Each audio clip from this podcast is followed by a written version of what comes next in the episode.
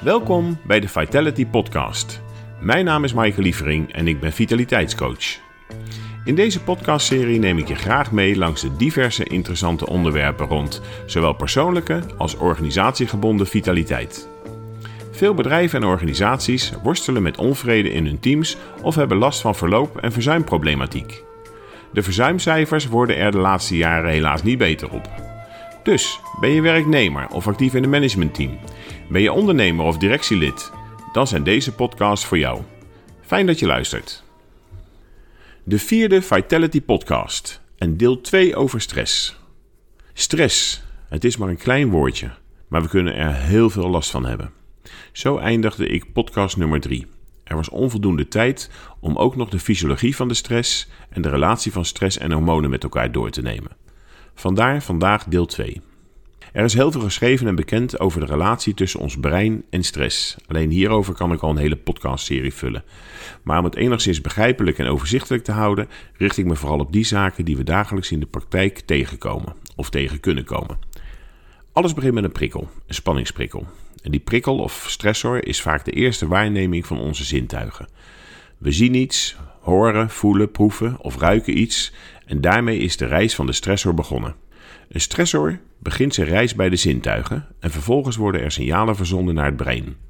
En daar, als het nodig is, worden reflexen geactiveerd. We kunnen het heel mooi zien in de dierenwereld. Stel je het volgende plaatje even voor. Op de groene savanne staat een groepje impalas heerlijk te grazen. Het is prachtig weer en het leven lacht ze toe. Er zijn ook nog wat jonge dieren in de groep aanwezig en die springen vrolijk in het rond. Alles lijkt pais en vree. Plotseling reageren twee volwassen dieren bijna tegelijk. De een strekt zijn nek en vangt een geurvlaag op en de ander staart strak naar de rand van het hoge gras. Door hun reactie is direct de gehele groep alert. De jonge beesten snellen naar hun moeder en je ziet dat het reactiesysteem binnen deze groep zich prima heeft ontwikkeld. En wat is er nou aan de hand? Op een afstandje sluipt een leeuwin door het hoge gras naar de plek waar de kudde staat te grazen. De waarnemingen van de twee volwassen dieren leiden direct tot een reactie. De een ruikt wat en de ander ziet wat. De groep voelt vervolgens, door het gedrag van deze twee volwassen dieren, dat ze in een verhoogde staat van paraatheid moeten komen. Iets wat eigenlijk volledig automatisch gebeurt. De leeuwin ziet de reactie van de groep en weet dat deze kans verloren is. De reactiesnelheid van deze kudde is te goed en te snel. Ze zal dus voor een andere aanpak moeten kiezen. In dit korte stukje gebeurt enorm veel. De waarnemingen of stressoren die worden als een bedreiging ervaren en de kudde moet snel reageren om te kunnen overleven. Hoe korter de reactietijd, hoe groter de overlevingskans. Dieren die een beter reactiesysteem hebben ontwikkeld bij mogelijk gevaar hebben grotere overlevingskansen en geven deze eigenschappen vaker door aan de volgende generatie. Binnen die volgende generatie overleven weer degene met het beste reactiesysteem. Enzovoort, enzovoort. Daardoor ontwikkelden wij als mensen, ook door de generaties heen, een lichaam en een brein die sterk zijn ingesteld op het snel kunnen reageren op mogelijk gevaar. Ons lichaam en brein interpreteren stress nog steeds als een signaal voor een dreiging. Ze reageren alsof de stressor, de prikker, de prikkel, levensbedreigend is. Zelfs nu dat in onze huidige relatief veilige maatschappij niet meer nodig is. Kijk bijvoorbeeld naar Dirk. Dirk die ligt niet zo lekker in de groep op zijn werk. Dirk is anders. Hij is wat vreemd, tenminste dat vinden een aantal van zijn collega's. Als teamlid van de gemeentereiniging moet Dirk iedere dag vroeg op en zich klaarmaken voor het ophalen van het vuilnis. Het werk vindt hij prima. Lekker fysiek bezig zijn en dagelijks naar buiten. Maar vaak begint het gedonder al bij de binnenkomst. In de kleedruimte, waar de vuilnismannen zich omkleden, daar wordt Dirk vaak al aangepakt. Zoals zijn collega's dat noemen. Ze zien het als een geintje. Dirkse kleding wordt vaak verstopt of zijn werkoverhal die hangt overal die hangt tot zijn knieën in het water, zodat Dirk de vroege ochtend ingaat met een half nat pak. Dirk weet op dat moment eigenlijk niet goed te reageren. Hij verstomt. Vaak begint hij te zweten en dan trekt hij zich terug. Hij wordt stil en zijn, zijn bloeddruk schiet omhoog. En dat gebeurt bijna iedere dag. En Dirk weet zelf ook wel dat hij niet in levensgevaar verkeert. Zover zullen zijn collega's toch niet gaan. Maar zijn brein en lichaam reageren wel alsof het zo is. Hij weet het wel, maar zijn lichaam vertelt een ander verhaal. Als we de stressoren volgen, dan zien we dat zij verschillende routes afleggen op basis van reactietijd. Ons brein ontvangt een signaal en ontcijfert dat als bedreigend of als niet bedreigend. Het stuurt vervolgens het lichaam aan om hormonen aan te maken, activeert gedachten en creëert acties of creëert stress die tot actie moeten leiden. We onderscheiden een viertal routes, afhankelijk van de situatie en de noodzakelijke reactiesnelheid. Het stukje wat nu komt is best pittig en best lastig, maar het is ook hartstikke interessant. Ik sta er steeds weer van te kijken hoe ons brein en ons lichaam op deze manier kan functioneren. Dus we kijken vervolgens naar de reflex, dat is de snelste route. Het autonome zenuwstelsel, dat is de middellange route. De langzame route via de hypofyse. En tot slot de langste route door de neocortex. Ja, ik, ik hoor je denken, maar alsjeblieft niet afhaken nu hoor. Het klinkt misschien wel ingewikkeld, maar het is echt heel gaaf om straks te begrijpen hoe mooi en slim dit systeem in elkaar zit. We beginnen bij de reflex, de snelste route.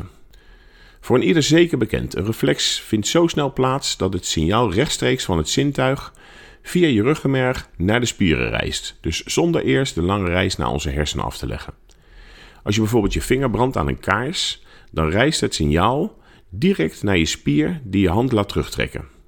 Of als je op straat loopt en er vliegt een insect richting je oog, voordat je het weet sluit je al je ogen, zodat het beestje er niet in kan vliegen. vliegen.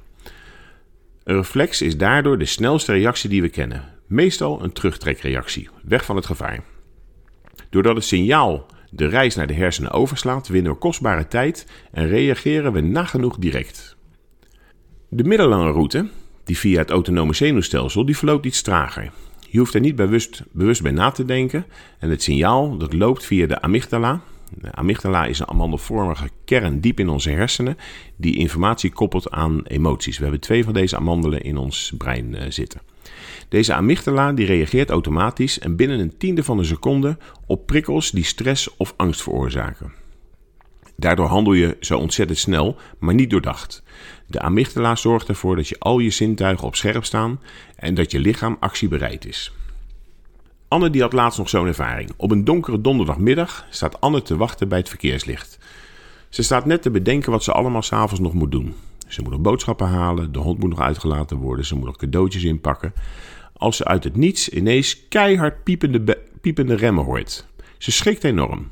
Het hele lichaam, haar hele lichaam tintelt. Ik denk dat, dat, dat we dat allemaal wel herkennen.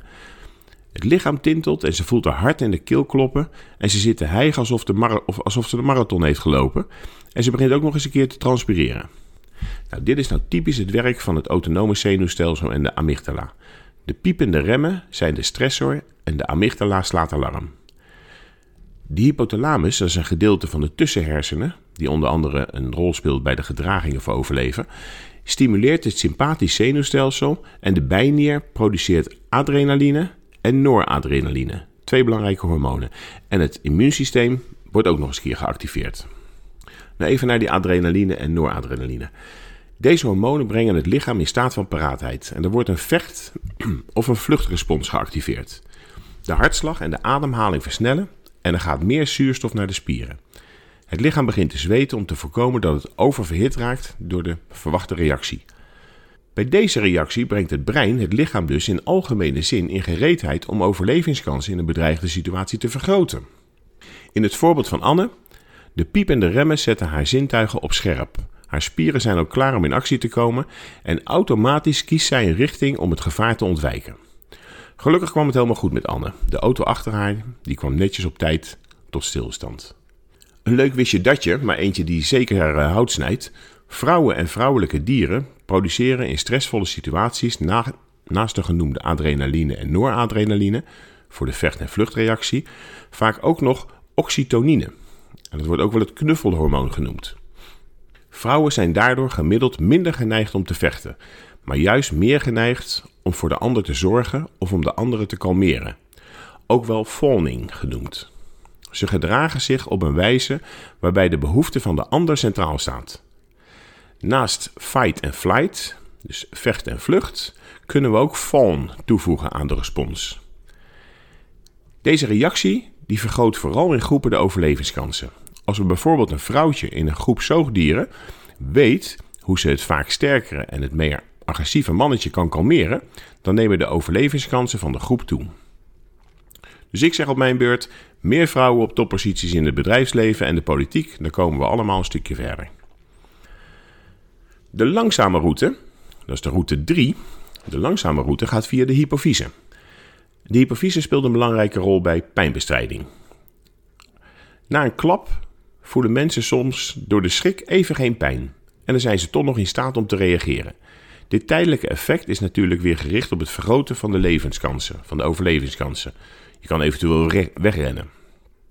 Daarnaast maakt het bijnierschors, na stimulatie vanuit de hypofyse, het stresshormoon cortisol aan. Het zorgt ervoor dat het lichaam energie haalt uit eiwitten en suikers. Ook zorgt het voor de bloeddruk en remt het immuunsysteem om energie te sparen. Omdat cortisol het bloedsuikergehalte verhoogt, neemt bij aanhoudende stress de kans op diabetes toe. Cortisol speelt ook een rol bij het activeren van de freeze response. Naast fight, flight en fawn is er een vierde veel, veel voorkomende reactie, de freeze response. Iemand reageert niet meer. Het kan daarbij gaan om voor dood te spelen, waardoor bijvoorbeeld een roofdier minder geneigd zal zijn om aan te vallen. Maar in sociale situaties kan niet reageren ook helpen om geen agressief gedrag bij soortgenoten te triggeren. De vier F's, fight, flight, fawn en freeze, zien we vaak terug in het gedrag van mensen die stress ervaren. De neocortex is het jongste gedeelte van onze hersenen. Het stuurt cognitieve processen aan als taal, denken en logica. De neocortex is de langste route, waarbij mensen bewust nadenken over het gevaar dat ze hebben ervaren. Als je met je fiets over de gracht rijdt en per ongeluk bijna van de kant in het water valt, dan komt de middellange route van de amygdala in actie. Verhoogde hartslag, ademhaling, prikkelende spieren en zweten. En gelukkig ging het net goed. De neocortex van de langste route zorgt ervoor dat je bewust terugkijkt op die bijna te waterlating. En beseft dat het veiliger zou zijn geweest indien je aan de andere kant van de straat had gereden. Deze langste route kan overlevingskansen vergroten door meer verstandige beslissingen te nemen. De langste route kan overigens ook een bron van belemmering zijn als mensen bijvoorbeeld blijven piekeren over problemen, perfectionisme ontwikkelen of irrationele overtuigingen erop nahouden. Over het algemeen kunnen we stellen hoe langer de route, des te gedifferentieerder de respons. Hoewel we vier routes kunnen onderscheiden, de reflex, autonome zenuwstelsel, de hypofyse en de neocortex, staan ze zeker niet volledig los van elkaar. De verschillende routes en hun gevolgen hebben sterke invloed op elkaar en kunnen elkaar versterken. Iemand die door overmatig piekeren, de langste route, meer gespannen is, heeft bijvoorbeeld veel minder prikkeling nodig om een reflex, de kortste route, te activeren. Waarschijnlijk herken je dit wel. Iemand die heel serieus en met enige spanning iets aan het doen is, laten we zeggen een draadje aan het solderen of iets aan het inkleuren is, en je laat hem schikken, je zult dan zien dat er maar heel weinig prikkeling nodig is om hem te laten stuiteren in zijn stoel. Als we geconfronteerd worden met een stressor, treden er verschillende processen in werking die allemaal gericht zijn op het vergroten van onze overlevingskansen. Bij één enkele stressor houden de fysiologische gevolgen in je lichaam ongeveer een half uur aan. En daarna zakt het adrenaline-niveau weer terug in het uh, lichaam naar een normaal niveau. Ook wordt de cortisol weer afgebroken. In de natuur duren die bedreigingen ook meestal maar heel kort. Een roofdier valt aan en de prooi ontsnapt. De levensbedreigende situatie is weer snel voorbij en er is voldoende tijd om te ontspannen. Ons lichaam en ons brein hebben zich zo ontwikkeld dat ze met dit soort gevaren om kunnen gaan. Het probleem is dat wij in onze moderne maatschappij veel stressoren zien die niet levensbedreigend zijn, maar wel heel langdurig aanhouden. Kijk bijvoorbeeld naar onze vuilnisman Dirk. Lichaam en brein reageren op deze stressor alsof het levensbedreigend is. Alle processen die leiden tot de vier F's: fight, flight, fawn of freeze worden geactiveerd, maar omdat het, omdat het veronderstelde gevaar maandenlang aanhoudt, kan de spanning niet afnemen. Het gevolg is dat iemand in een constante staat van spanning blijft. Het lichaam raakt uitgeput en kan de extra energiebehoefte niet meer compenseren. Er ontstaat overspannenheid, die uiteindelijk kan leiden tot een burn-out. En die zal ik in de volgende podcast, nummer 5, behandelen. Fijn dat je luisterde naar deze podcast. Ik maak deze serie met veel plezier en ben benieuwd wat jij ervan vindt. Laat even een review achter en abonneer je op deze serie. Klik in je podcast-app op de button abonneren. Dan kan je mij eenvoudig blijven volgen. Meer informatie over onze werkzaamheden kan je vinden op de website outscape.nl. Heb je ideeën of suggesties? Laat het mij dan even weten. Dankjewel en graag tot de volgende keer.